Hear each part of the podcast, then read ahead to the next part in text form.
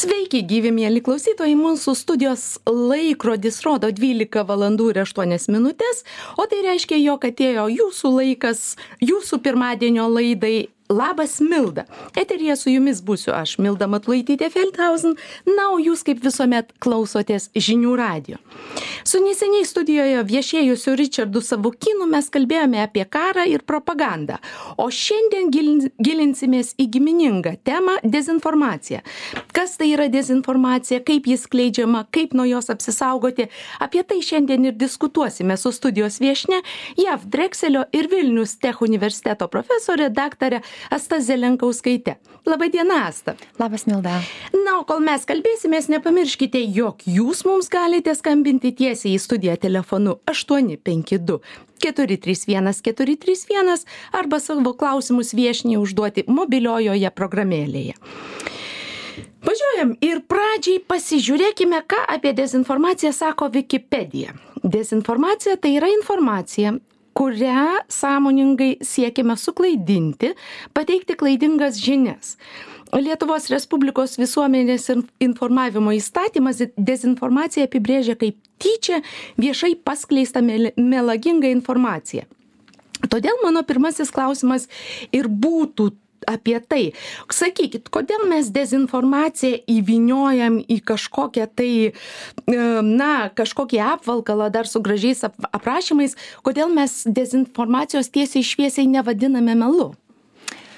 Uh, melas turbūt ir dezinformacija yra, dezinformacija yra gislelė tiesos iš mhm. dalies. Mhm. Ir turbūt vienas iš tų svarbiausių aspektų ir sunkiųjų aspektų, dėl ko yra sunku kalbėti apie dezinformaciją kaip fenomeną, būtent, kad yra dalelė tos tiesos, už kurios dažniausiai žmonės ir užsikabina, kaip mano knygoje aš kalbu apie tai kaip chaoso kūrimo procesą, būtent kai žmonės bando atkurti, suprasti toje mažoje krislelėje tame tiesos, atskleisti tikrąją istoriją. Ir aš manyčiau, kad būtent tai yra toks, tas yra didžiulis, didysis skirtumas pagal kurį arba kurio pagrindu dezinformacija būtent yra tokia apgaulinga ir tokia sudėtinga e, visuomenėje kaip problema.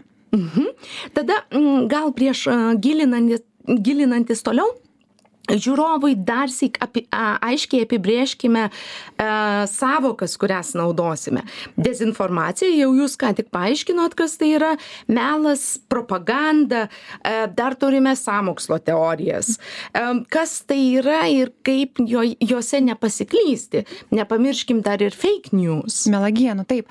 Ir aš manyčiau dažniausiai kai kalbam apie dezinformaciją ir melagienas būtent jos yra dažniausiai siejamos arba jos apie jas kalbame kartu Ir e, nūdienų žiniasklaidoje būtent dažniausiai kalbam apie melagienas. Ir melagienos, e, jos dažniausiai yra siejamos su e, netikslios informacijos kontekstu.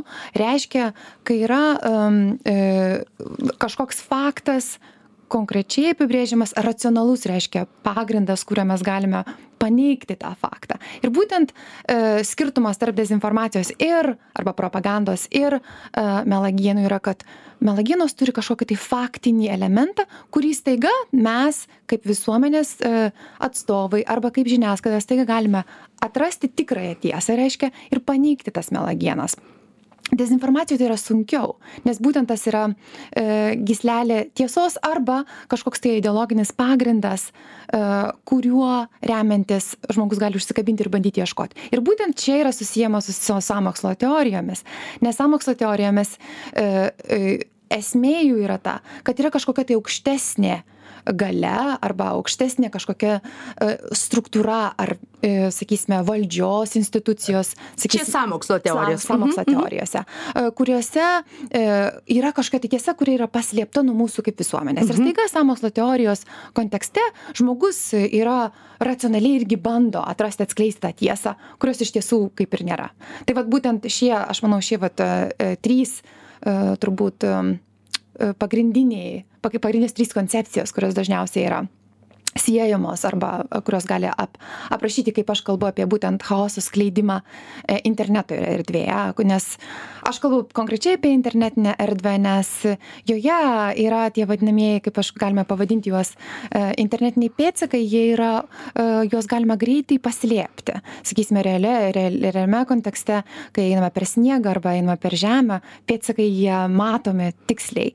O internete jie yra visai kitaip yra atskleidžiami pavyzdžiui per internetinį protokolą, reiškia adresas, kuriame yra uh, nu, nu, pažymėtas, bet kiti dalykai žmogus gali pats sugalvoti, koks yra jos slaptažodis, pasivadinti būti bet kuo internete. Ir būtent uh, tas aspektas, manau, kad visame šitos visose trijose savokose uh, sudaro naują situaciją mums arba naują kontekstą mums kaip žmonėms visuomenei kuri yra iš dalies truputėlį sudėtingesnė negu mes kaip ją supratome anksčiau aš Mhm. norėčiau tiesiog į į į į e, pabrėžti tą aspektą virtu e, virtualiosios erdvės e, kuris taip pat sąlygoja arba iš dalies turi sukuria naują kontekstą mums. Dėl to mes taip dažnai ir da- daug kalbame ir turime kalbėti turbūt apie e, propagandą arba dezinformaciją šiandieną, nes jos e, parametrai iš dalies arba jos kontekstas truputėlį yra pasikeitęs.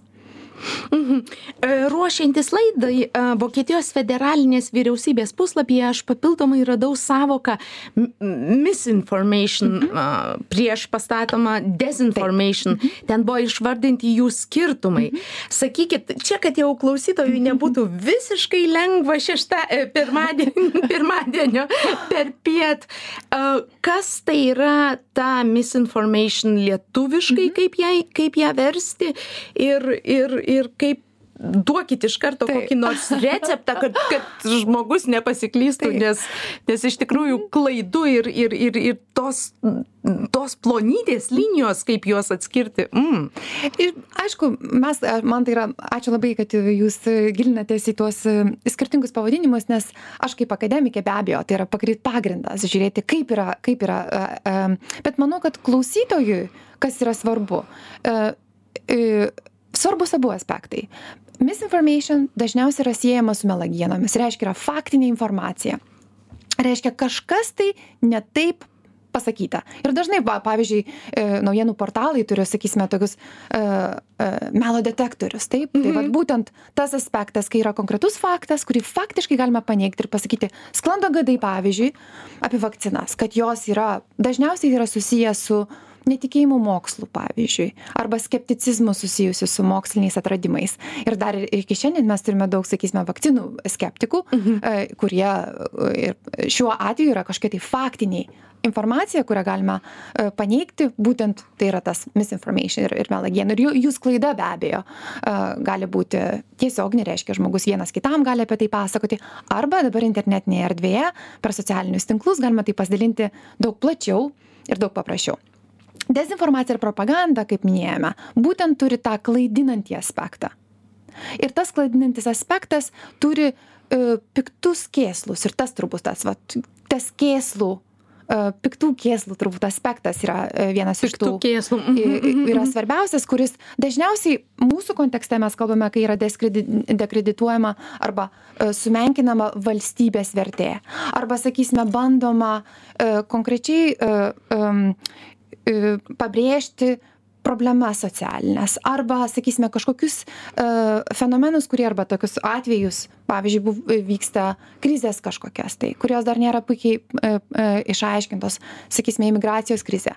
Prieš keletą metų mes turėjome Sirijos krizėje, Sirijos, uh, emigracijos krizę Europoje. Ir visos šitos um, situacijos jos iškreipiamos. Ir tas iškreipimas būtent ir yra uh, tas aspektas, kuris kritinis, uh, uh, kritiškai yra priešpriešimas arba gali būti priešpriešimas būtent melagienoms, nes melagienos tai yra faktinė informacija, kurią galime lengvai, lengviau paneigti.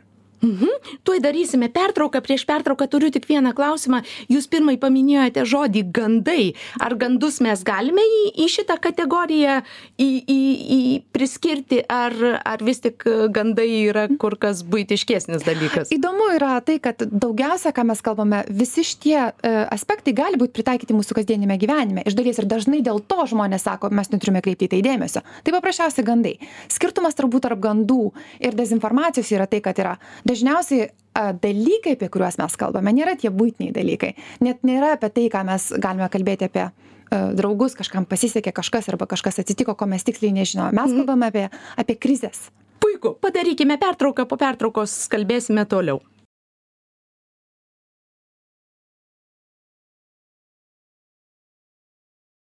Sveiki ir vėl visi mūsų besiklausantys, mes toliau tęsime laidą su profesorė Asta Zilinkauskaite ir mes žinome, lau, žinoma laukiame jūsų skambučių į studiją telefonu 852431431 arba kaip visuomet juos jūs mums galite užduoti mobiliojoje programėlėje. Asta, mes baigėme pirmąją dalį ties gandais, ties, ties na tarsi ar tai būtinis, būtinis lygmuo, ar jau einame auk, aukščiau sakykit aš visuomet mėgstu užduoti pašnekovui klausimą o kaip mes išsinagrinėjome lyg ir iš iš iš visų pusių kas ta dezinformacija kas ta propaganda o kaip mano tetai kazlų rūdoje suprasti kuri galbūt net nelabai supranta kas yra ta internetinė erdvė nors sunku patikėti kad šiandien tokių gal bet vis dėlto kai kai kaip tą dar paprasčiau paaiškinti? Aš manau aš norėčiau galbūt pateikti tokią tokią prielaidą e, kaip mes apskritai kalbame kas kodėl mes apie apskritai kalbame apie e, internetinę erdvę arba dezinformacija kur jinai vyksta. Tai jinai vyksta dialoge. Taip prasideda viskas nuo dialogo. Ir dialogas atsiranda tada kai mes norime kažką suprasti. Bet ką ir e, tai yra kaip iš esmės to va demokratinio diskurso pagrindas arba demokratinio pokalbio pagrindas kai mes skaitome naujienas ir paskui jas bandome suprasti mhm. ir e, būtent e, šiame kontekste galime išsiaiškinti, kaip tai vyksta. Demokratinėme kontekste reiškia vienas žmogus pasako, kitas atsako. Ir tokiu būdu mes kažką tai išsiaiškiname. Ir e, prieš dešimt metų maždaug viena iš tyrinėtojų Bakardieva kalbėjo apie internetinę erdvę, kad yra tokia, kad dažnai žmonės, didžiausia problema, kuri buvo, tai būtent ta, kur uh, žmonės nesusikalba, nes jie vienas ant kito rėkia, pyksta, ir žodžiu vienas per kitą šaukia. Mhm. Ta kokofoninė. Mhm. Turime skambutį į studiją, Sergejus skambina. Taip, laba diena.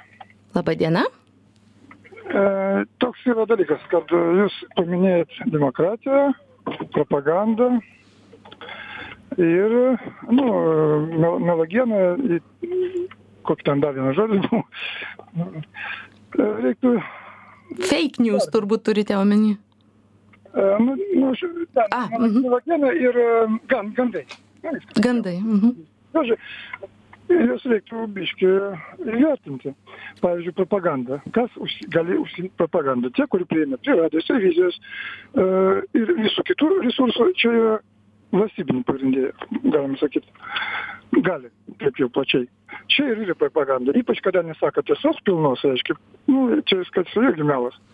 Pavyzdžiui, apie skiepus tenai nepraneša, kad čia yra, ban, nu, dar nėra patvirtinti bandymą atliekami, jie, ne, tie vaistai nėra dar, jie tokiai būsimai stadijoje, tokiai bandymo. Ir tada gaunasi taip, kad propagandistai čia su demokratija niekaip nesurišta, nes nėra ten dialogo. Jie negirdi kitų. Na, o kas melagena, tai čia ir tyčiai paleista, aišku, gandai, netyčiai, viskas, toliau nėra ką šnekėti. Labai trumpai, aiškiai, nereikia išvedžiojimų tokių, kad jūs jau sakot. Visi reiškia, propagandistai, melagienai, čia visas vienas poliusas. Ne, taip nėra. Kaip tik pasidės, poliusas užsima didesnę didesnį tą plataus masto informaciją tą lauką ir jisai dėsto savo tas netiesas dažniausiai dažniausiai mūsų va dabar Ačiū Jums, Sergėjau, už, už Jūsų klausimą. Tuo jau pat profesorė Asta Zelenkauskaitė atsakys. Ačiū Jums. Visų pirma, norėčiau atkreipti dėmesį į tai, kad jūs turbūt mes galime kalbėti apie, sakysime, visuomenės ryšių kontekstą, apie ką jūs kalbate, informacijos pateikimą. Ir aišku, mes jeigu kalbame apie antrąjį pasaulinį karą, be abejo visuomenės centralizuota propaganda, kuri buvo skleidžiama, jūs turbūt apie tai kalbate, istorinėme kontekste, tai be abejo šitas dalykas yra žinomas kaip faktas ir tai yra e, kontekstas, kurį galime paminėti, bet jūs turbūt kalbate apie ir turbūt su, sudedate du aspektus į vieną - informacijos pateikimas, e, reiškia informavimas visuomenės e, ir propaganda yra du skirtingi dalykai. Tai yra nesusijęmi dalykai. Informacijos viešųjų, sakysime, žiniasklaidos informacijos pateikimas. Aš tikrai nemanyčiau, kad demokratiniame kontekste tai galime vadinti propaganda arba dezinformacija. Tai aš manau, kad iš terminologinės pusės tai yra tikrai du nesusiję dalykai. Aš norėčiau turbūt labiau pakalbėti apie E, aspektą, apie kurį jūs minėjote, kad visi gali užsimti propagandą iš dalies. Aišku, tie tokie absoliutiniai terminai, visi gali, reiškia, visi negali. Mhm. Aš nenorėčiau tokių apibrėžimų turėti ir galbūt aš nenorėčiau suteikti tokios kaip ir paranojos klausytojui, kad staiga dabar visur propaganda, visi tai daro. Ir, ir tai yra ne pirmą kartą yra iškeliama toks, tokia, toks susirūpinimas. E, aš manau, kad kas yra svarbu e, internetinėme kontekste, ką aš noriu pasakyti, kad yra tam tikros socio sociotechninės galimybės. Reiškia, pavyzdžiui, internetinėje erdvėje, erdvėje galima greitai pasidalinti informaciją ir galima sukurti kažkokią tai pavyzdžiui, ar socialiniuose tinkluose kaip Twitter'e arba komentaruose, kur kiekvienas žmogus skaitomas arba gali būt traktuojamas kaip e, demokratinis, e, e, kaip jo demokratinis dalyvavimas tame dialoge, jis taiga tampa kažkieno rankose kaip instrumentas, kurį galima panaudoti vadinamai e, e, skleidimui konkrečių, e, sakysime, propagandos žinučių. Pavyzdžiui, skleidimą susiskaldimą prieš imigrantus arba susiskaldimą dėl vakcinų, kaip minėjau. Tai čia yra du skirtingi aspektai ir aš norėčiau juos tiesiog pabrėžti, kad yra didžiulis skirtumas tarp informacijos teikimo, kaip pat visuomeninis transliuotojas yra įsipareigojęs pateikti informaciją klausytojams arba žiūrovams. Ir aš savo knygoje būtent apie tai pasakoju ir rašau apie taip, kaip e, informacijos priemonės yra netgi puolamos žmonių, kurie būtent kuria tas, info, e, tas propagandos kampanijas ir būtent tokiu būdu, kaip ir jūs minėjote, būtent naudoja tą patį argumentą, kad e, kas jiems netinka arba nepatinka, kokia, kokia informacija ją, jie vadina propaganda. Tai tiesiog aš norėčiau tikrai e, pasiūlyti to ir, ir tiesiog pabrėžti, kad tai yra, mes turėt, neturėtume susijęti propagandos su žiniasklaida jokių būdų. Mhm. Ačiū Jums labai už atsakymą. E, grįžkime dar trupučiuką į dvi, dvi pradžias. Šios uh, laidos pradžioje aš citavau Wikipediją ir Jūs ką tik antros laid, uh, antroje laidos dalyje kalbėjote apie internetinę erdvę. Tačiau um, pati, uh, kuomet aš rėmiausi tuo Wikipedijos įrašu apie de dezinformaciją, patikrinus šaltinius, aš radau, jog jį rengiant buvo remtasi tik vienu visuomenės informavimo įstatymu, o ir pats įrašas dėja labai skurdus. E, žiūrint tolimesnius įrašus, sakykime, Google paieškoje, na, kad ir pačio žodžio dezinformacija išaiškinimą, sakykim, tokioje svetainėje kaip žodžiai.lt randu visai lyg ir neblogą paaiškinimą. Tačiau šaltinis, kuriuo remiamasi, yra vyriausiosios enciklopedijų redakcijos išleistas tarptautinių žodžių žodynas. Na, viskas gal būtų ir nieko, jei tas žodynas nebūtų tūkstantis devyni šimtai aštuoniasdešim penktųjų metų leidimo. Ir sakykit prašom kas tai yra ar tai yra aplaidumas ar dar kažkas? Juk šiandien kalbėdami apie dezinformaciją mes kalbame apie tokius reiškinius kaip dirbtinis intelektas botai. Ir staiga pirmas tiksliau sakant pirmas buvo vikipedijos o šitas buvo bet ne antras trečias pagal svarbumą išmestas įrašas kuris datuojamas viens devyni aštuoni pen- penktųjų metų. Tai yra šaltinio tai yra baisu man taip atrodo Iš vienos pusės galima, tai yra, manau, kad rodo du dalykus, kad visų pirma, e, informacijos e, propagandos klausimai yra e, aktualūs skirtingose kontekstuose, jų išriškos ir gali būti skirtingos. Ir šiandien mes kalbame apie dezinformaciją ir propagandą ir jos plitimą būtent robotų arba botų arba kom, e, skaitmeninės er, skaitmeniniais pagrindais arba kompiuterio a, būdu sklindančią. e, Tai yra sklaidos klausimas. mhm, nepamirškite mes dabar pasiklausysime apie orus ir tuoj jau pat grįšime atgal į studiją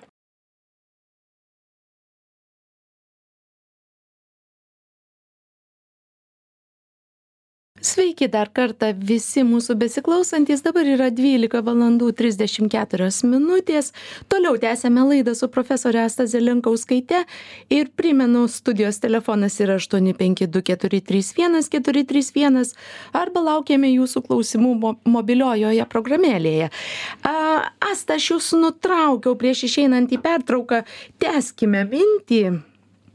Mes kalbėjome apie tai, kad e, e, propagandos arba dezinformacijos tematika yra aktuali šiandien ir aktuali turbūt buvo prieš 20 ar 30 metų aš būtent e, kalbėjau apie antrąjį pasaulinį karą. Ir turbūt daugumai mūsų klausytojų, kurie e, gyveno ir išgyveno dar sovietiniais laikais, e, tos propagandos turbūt trauma dar jaučiama ir šiandieną. Ir turbūt mes galėtume tokiu būdu paaiškinti arba suprasti, kodėl e, žmonėms turbūt dabar atsinau, ta, ta trauma iš dalies atsinaujina. Ir dėl to, kai mes kalbame apie dezinformaciją šitame kontekste, um, jo jinai kaip ir matoma taip pat bet kartu klausimas yra kodėl mes ją matome. Turbūt ir klausytojo kuris jisai skambino klausimas turbūt atspindi tai. Nes atrodo kad tai viskas buvo jau praeityje antrasis pasaulinis karas buvo šaltasis karas tarp a, sovietų sąjungos a, ir jav ir čia viskas ta propaganda buvo tikslinė ir buvo konkretūs tikslai. Ir šiandien mes kažkaip tai nelabai suprantame tame pasaulyje kuriame mes gyvename kodėl mes turime dar išgyventi dar kartą E, arba kodėl kažkas tai stengiasi vėl panaudoti šitus, e, šitus e, informacinės technologijas būtent šiems tikslams. Ir aš manau, kad tai yra, būtent yra tas ir skirtumas arba ta, ta problema, kuri iškyla. Dėl to, kad labai sunku paaiškinti e, būtent mano tetai, mano kartos, sakysime, žmonėms arba žmonėms mano, mano, iš mano te- tetos kartos, būtent pasakyti, kad vyksta dezinformacija, jinai ateina kažkur iš kitur, arba jinai kažkaip kitaip tai gali atsitikti. Ir e, tematika, kurią, e, kurią mes kalbame, pavyzdžiui, sakysime, e, krizės situacijos, jos yra jau automatiškai traumą sukelia visuomenėje. Ir būtent tos traumos išnaudojimas antrą kartą yra, gali būti tas emocinis pagrindas, kuriuo dezinformacija gali būti efektyvi. Ir dėl to aš manau, tie žodynai dėl to jie atkartoja. Nors terminologija gali būti universali, bet jinai istorijoje ir kontekste istoriniame jinai atsikartoja. Ir, ir turbūt aš pradėjau knygą savo rašyti, būtent skatinama tos, tos situacijos, tos realybės, kurios aš, kurią aš tiesiog pamačiau.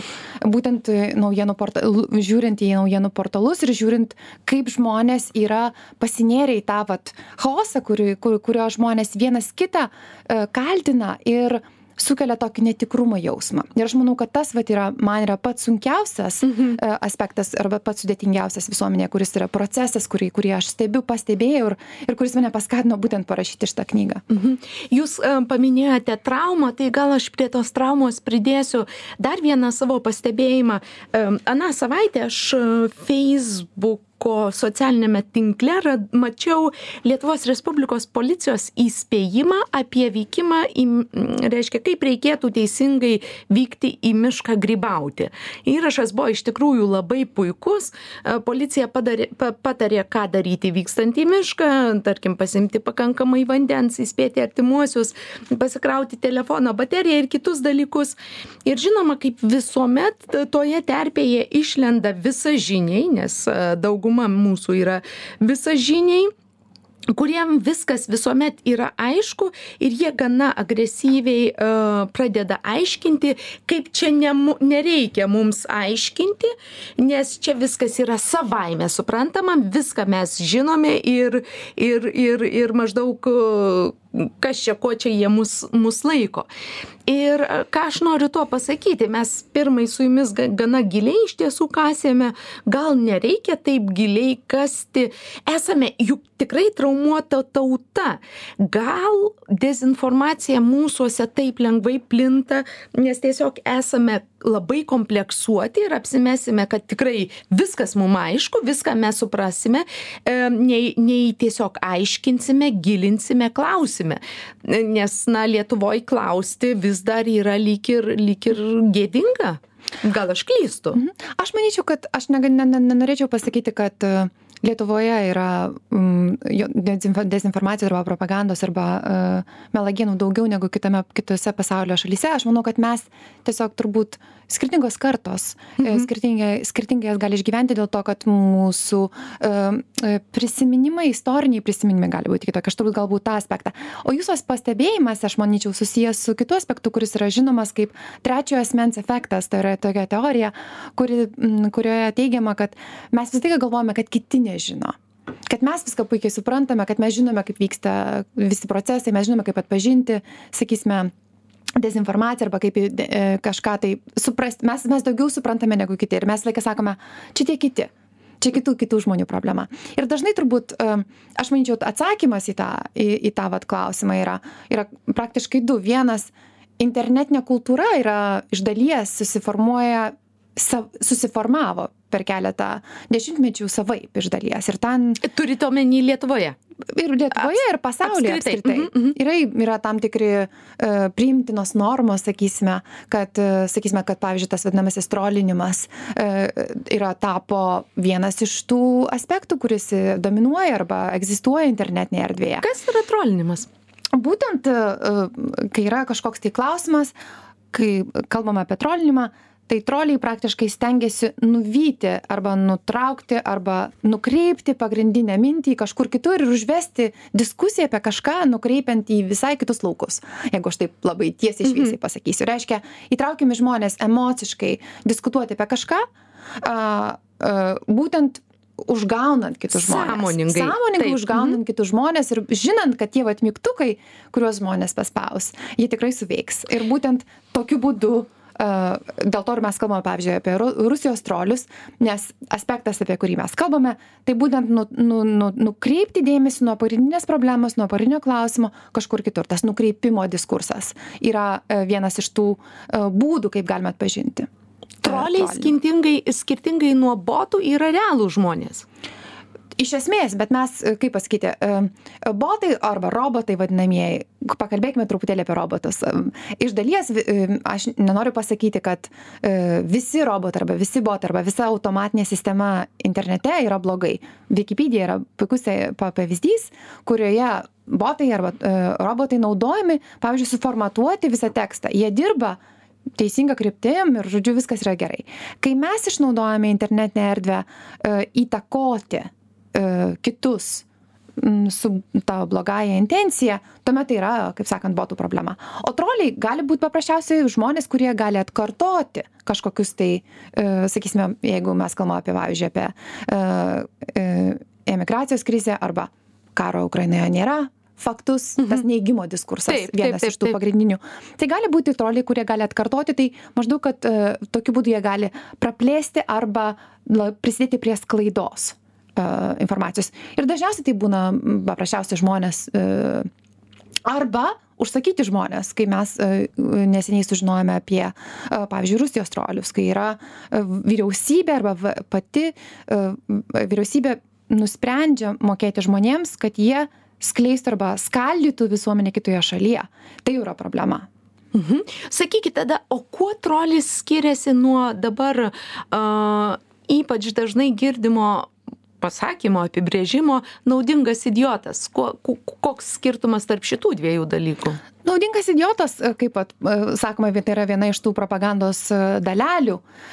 Reiškia reikia visada kažkokio dažnai aš manau troliai turi sąmoningumą iš dalies kad jie nori pakenkti.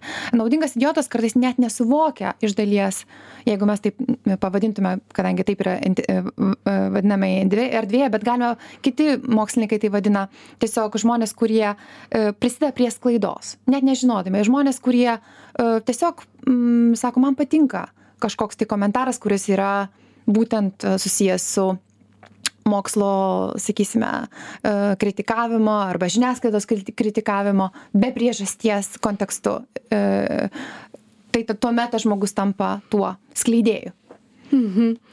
Sakykit, prašom, ar yra koks nors skirtumas labai aiškus, pagal ką iš karto galima būtų atskirti tarp, sakykime, rašytinės dezinformacijos um, naujienų, tarp, tarp portaluose, socialiniuose tinkluose, tarp dezinformacijos ra, verbalinės radijuje, ar kažkaip galima juos iš karto, a, čia jau, aha, va čia žinau, čia visi požymiai. Kokie apskritai yra požymiai?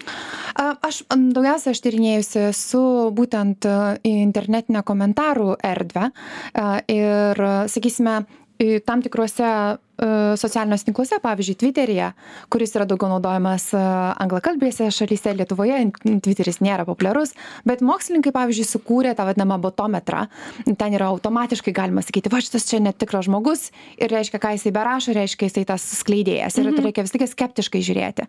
Um, Lietuvoje uh, yra socialiniuose tinkluose, aišku, turbūt uh, Facebookas labiau, arba, sakysime, dabar Instagramas, arba kitos, bet aš žiūrėjau daugiau, uh, aš nagrinėjau ir tyrinėjau daugiau naujienų portalų komentarus, būtent žiūrint, kaip žmonės supranta arba paaiškina. Tai būtent iš diskurso arba kalbos prasmės. Yra tam tikri aspektai, kuriuos aš tiesiog pastebėjau. Mano tyrimo sritis buvo žiūrėti, kaip, kaip žmonės uh, kalba apie Rusų, Rusijos trolius, nes tai yra vienas iš tų uh, kontekstų, kur dezinformacija yra kaip, tiesiogiai kaip ir siejama. Ir to aš norėjau pasižiūrėti, kiek, iki kokio, e, kiek procentų arba kiek, iki kokio lygio arba kokie diskursai naudojami būtent paneigti, kad vat, žmogus sako, va, ne, trolių, Rusų, Rusijos trolių nėra. Ir žiūrint į tuos va, diskursus, pirmasis tas yra nukreipimo diskursas. Reiškia, nekalbėkime apie Rusijos trolius, kalbėkime apie visą kitą, bet ką. Apie politinius oponentus, kaip, kaip valdžia blogai veikia, kaip čia kažkas tai negerai. Žodžiu, nukreipti tas nukreipimo, nukreipimo diskursas nuo pagrindinės temos, tas whataboutismas, kaip vadinamasis, mhm. arba kaip apie. Kalbėti kažkai kalbam apie kažką kitą kai yra kaltinama ieškoma visą laiką kažkur kitur kaltų. Ir aš manau pagrindinis dalykas kuriuo galima tai pastebėti kas tie kalti suprasti e, e, ką žmogus atstovauja žinutėje. Jeigu sakoma rusijos trolių nėra nu tai aišku reiškia tam e, rašytojui yra svarbu pasakyti kad atstovauti rusijos trolius iš esmės. Taip? Dėl to kad tokiu būdu žmogus pasako kad mm, rusijos trolių negalėtų būti. Taip pat kitas būdas kuris kurį aš pastebėjau kuris naudojamas taip pat būtent tos internetinės a, erdvės kul, kul, sub, subkultūra kaip žmonės ją vadina būtent a, a, pasityčiojimo diskursas kuris naudojamas. Sakysime ne čia rusijos trolių pavyzdžiui nėra. Viskas vis visi kaltina tiktai rusus. Tas ta šita tema rusofobijos kaltinimo tema buvo labai e, stipriai matoma visose aš aš aš tyrinėjau e, lietuvos naujienų portalų komentarus ir jav e, naujienų portalų komentarus būtent susijusius su rusijos trolių naujienų naujienomis. Ir radau tą pačią tendenciją. Sakysime e, tokie komentarai kaip jūs visada kaltinate rusijos rusiją rusijos trolius. e, tas ta rusofobijos vadinamoji e, vadinamasis paaiškinimas buvo labai stipriai jaučiamas. Ir žiūrint į mokslinius tyrimus, viena iš Lenkijos Darževska tyrinėtoja kalbėjo, kad prieš 2004 Ukrainos karą Rusijoje, Rusijos viduje buvo pastebėtas labai stiprus būtent skleidimas šitos idėjos Rusijoje mhm. pačioje. Padarykime pertrauką ir grįšime po pertraukos prie jūsų minties. Puiku.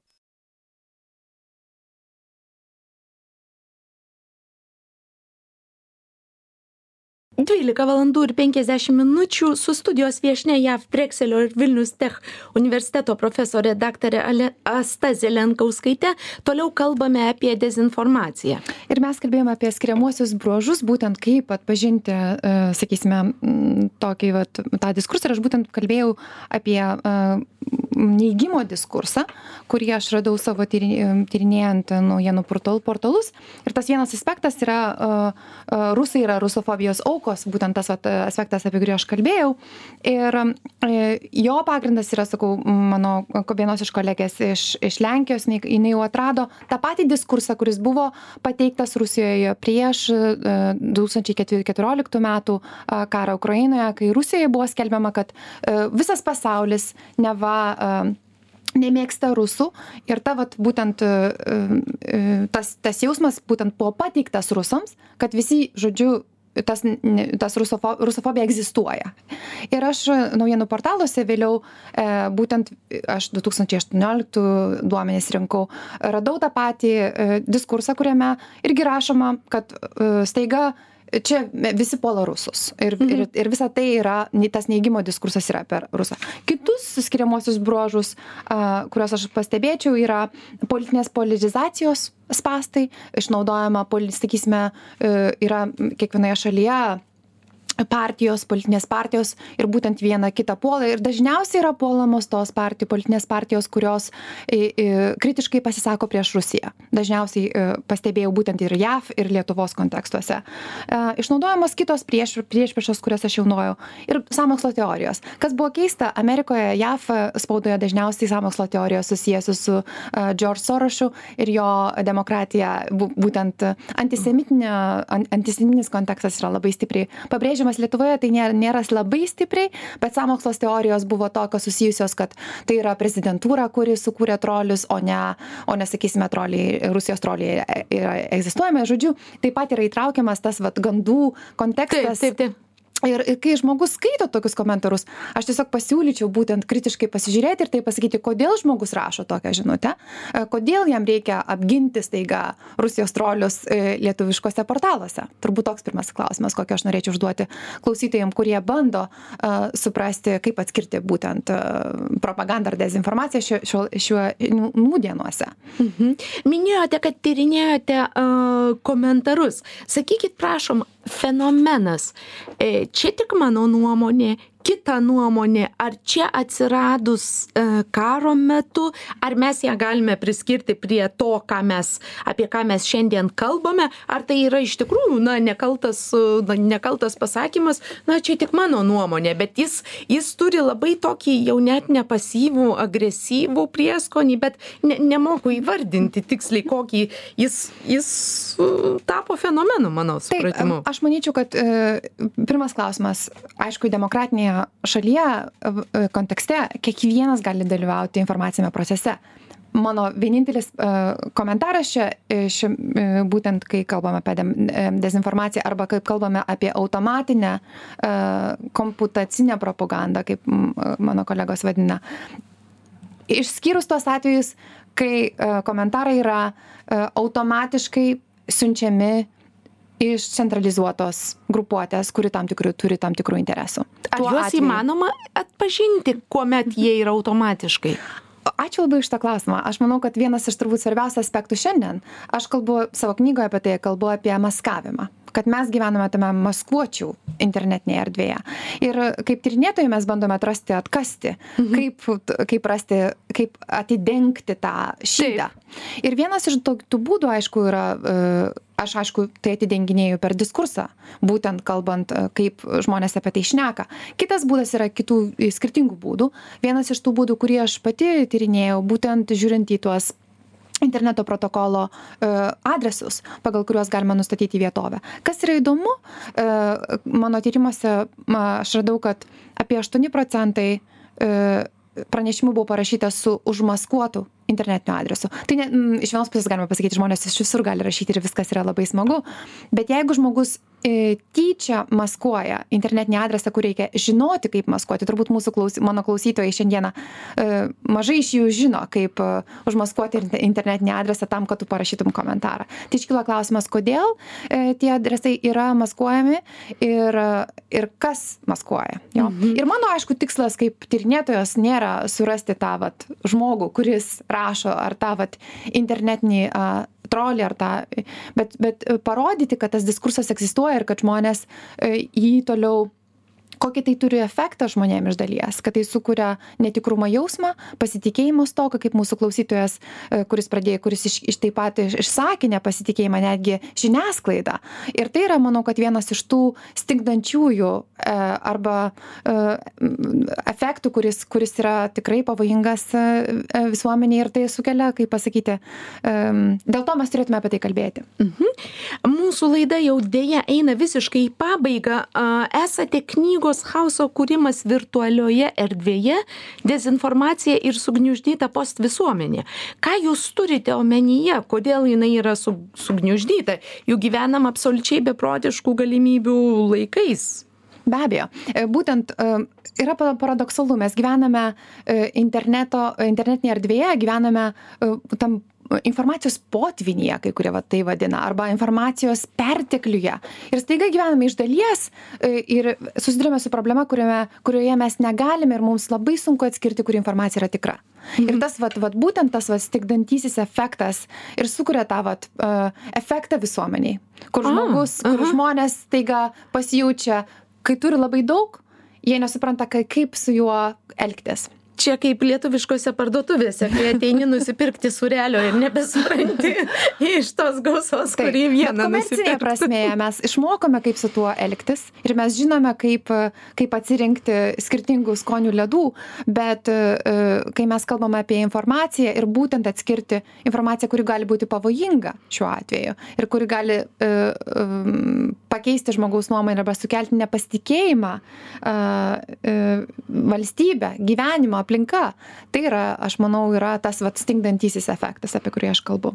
Gerbiama asta dėkoju jums kad šiandien buvote mūsų studijos viešnia. Ačiū jums mieli klausytojai kad klausotės žinių radijo ir laidos labas milda. Čia buvo profesorė daktarė asta zelenkauskaitė ir aš milda matulaitytė feldhausen. Iki kito pirmadienio. Ate